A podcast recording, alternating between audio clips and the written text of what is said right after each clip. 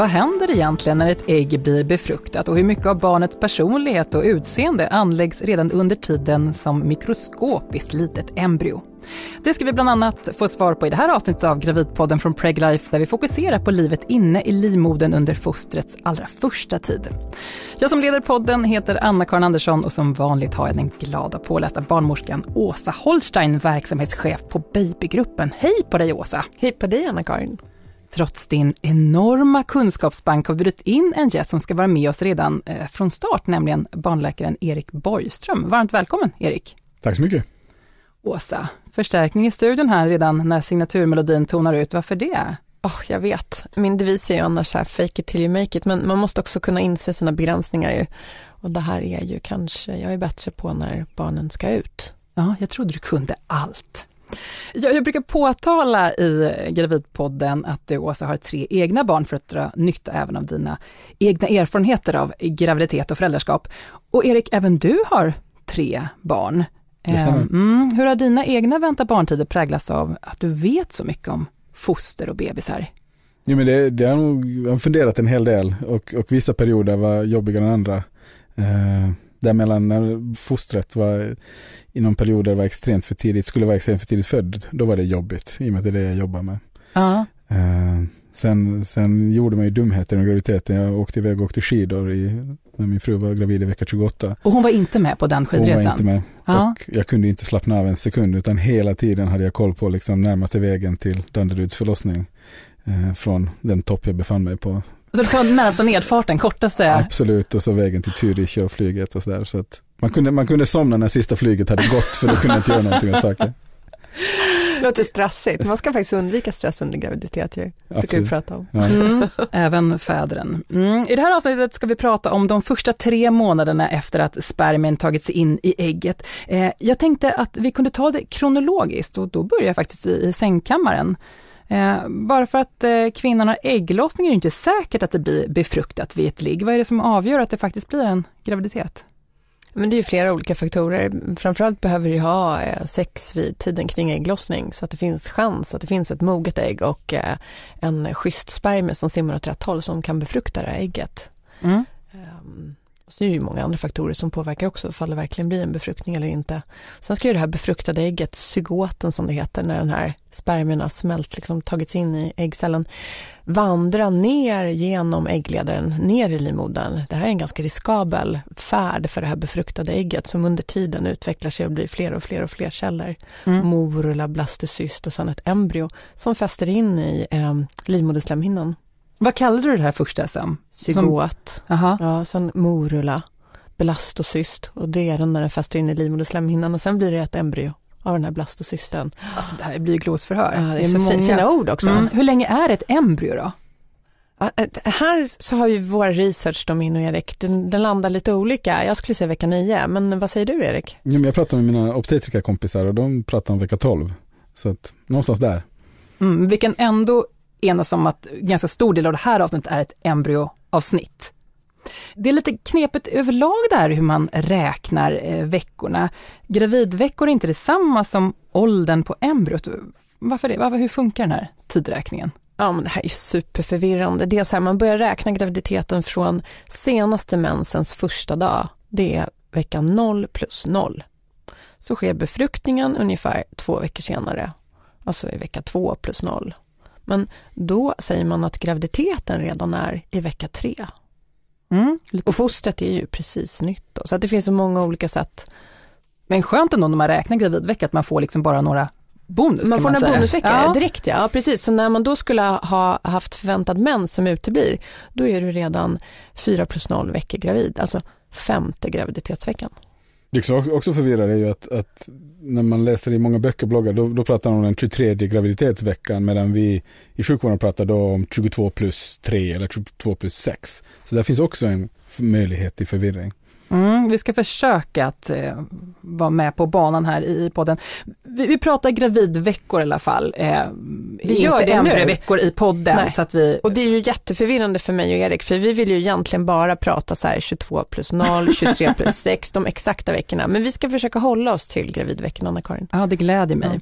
Och för att konkretisera ytterligare lite så tänkte jag be dig Åsa då och då under embryot utvecklingssteg berätta hur stort embryot är, något som vi kan ja, referera till storleksmässigt. Om vi börjar då veckan efter befruktningen, det vill säga då gravidvecka 3. Hur stort eller litet är embryot då ungefär? Nu är det ytterpytse, man skulle se ungefär som toppen på en eh, synål, själva spetsen. Jag kommer sen försöka hålla mig till fruktjämförelser. Vi börjar i Vi får se om det håller. Ja. Mm. Eh, hur får embryot mat vid den här tiden då? Nu får embryot näring via det som kallas för gulesäcken som sen successivt kommer försvinna och så kommer moderkakan ta över eh, fostrets närings, näringstillförsel. Mm. Vi ska prata om de allra första veckorna, men först kan ni väl klargöra vad som stämmer eller inte av mina sant eller falskt påståenden.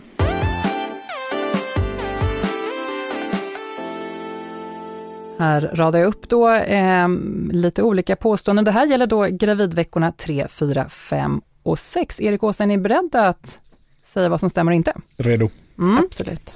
Redan vid befruktningen avgörs det om det blir en flicka eller pojke. Ja. Eftersom embryot får sin näring från gulesäcken och inte från moderkakan allra första veckorna spelar det ingen roll vad jag som mamma äter eller dricker då. Jo men det, det spelar ju roll. Ja. Man, man ska avstå alkohol och droger och tobak. Eh, sen, sen är det troligen så att, att det har det finns en viss säkerhetsmarginal i, och med att embryot får sin näring från gullesäcken. Men, men vet man att man vill bli gravid eller tror att man är gravid så ska man avstå alkohol och droger. Det är omöjligt att känna gravidtecken efter bara några dagar efter befruktning. Ja, det är falskt. Det är absolut möjligt att göra det. Eh, och särskilt om man har varit gravid tidigare så kan man tidigare känna igen symptomen. Så tidigt som eh, vecka fem eller sex, ja, då är det omöjligt att se att embryot ska bli ett barn. Det är bara en cirkulär klump. Sant eller falskt? Falskt. Det är ingen klump utan den, den håller på att knöla ihop sig så att den ganska snabbt kommer likna ett barn.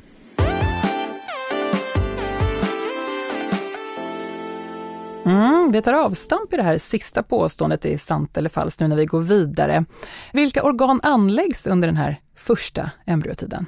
Det är alla organ som, som anläggs. Eh, det, det är ett komplicerat system när, när man går från, från Åsas små cellklumpar till att, att det nu blir, blir organ. Men, men alla organ anläggs nu och sen fortsätter de att utvecklas under hela graviditeten. Mm. Men vad under den här tiden kan påverka hur barnet är eller blir när det föds? Skulle man kunna säga att anlaget för att barnet eh, ska bli en sprinterstjärna eller konstnär slås fast redan nu på embryostadiet? Man kan säga det att, att förutsättningarna påbörjas nu, men, men det, det sitter mycket i generna och det är mycket, det, det är väldigt tidigt skede. Um, man behöver träna lite innan man vinner 100 metersloppet. Mm. När börjar barnets eh, hjärta slå då? I sjätte veckan. I sjätte veckan. Vad utvecklas mer under den här tiden, vecka 4 till 6? Ja men det, det är alla organ som vi behöver. Det är lungor och hjärna och tarm och hjärta och lever och huden och allt. Det, det är allt, allt börjar utvecklas nu. Mm. Den här första tiden sägs vara den mest avgörande för om embryot fortsätter att växa eller blir ett, eh, och blir ett foster eller om det stöts ut. Ska jag tänka på något speciellt för att kunna påverka? Som gravid tänker ja. du? Ja, det är ju viktigt om du kan försöka tänka på att äta en balanserad kost, röra på dig och definitivt undvika alkohol och droger och, och rökning. Mm. Nu var vi inne på det i sant eller falskt också, men då vill jag ändå fråga, vad, vad händer om jag får i mig en halv flaska vin eh, som nygravid? Troligtvis ingenting. Eh, det finns sådana skyddsmekanismer med guldsäcken, men, men vi vet att det kan vara potentiellt riskfyllt, så att försök undvika det. Mm. Vi går vidare i embryots utveckling och sen storlekscheck igen. Hur stort är det när vi kommit fram till vecka 7, 8? Ja, ungefär som ett eh, svenskt blåbär i vecka 7 och som ett eh, svenskt hallon i vecka 8. Alltså inte de här, du vet, man köper året runt i ICA-butiken som heter broiler stora blåbär. Äkta vara från? Äkta vara ja. från skogen. Men hur mäter man embryos längd? Det kan ju inte riktigt stå raklång.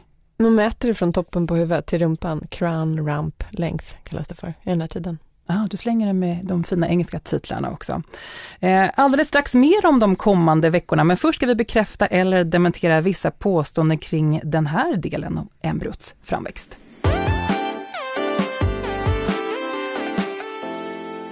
Erik och Åsa, det är dags då för eh, vecka 7, 8, 9 och 10 någonstans där och mina påståenden lyder som följer. Embryots hjärtslag slår ungefär dubbelt så fort som en vuxens. Sant eller falskt? Ja, och, och snabbare. Så upp till 160 slag per minut.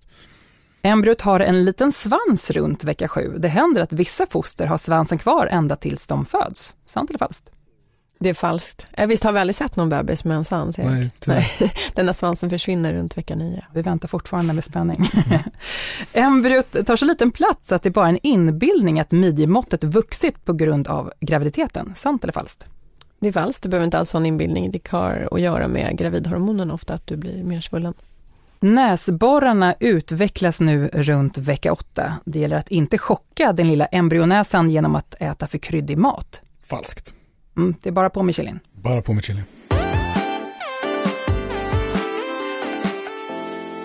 Runt eh, gravidvecka 8, då börjar de yttre könsorganen utvecklas. Hur skiljer sig utvecklingen beroende på om det är en flicka eller pojke?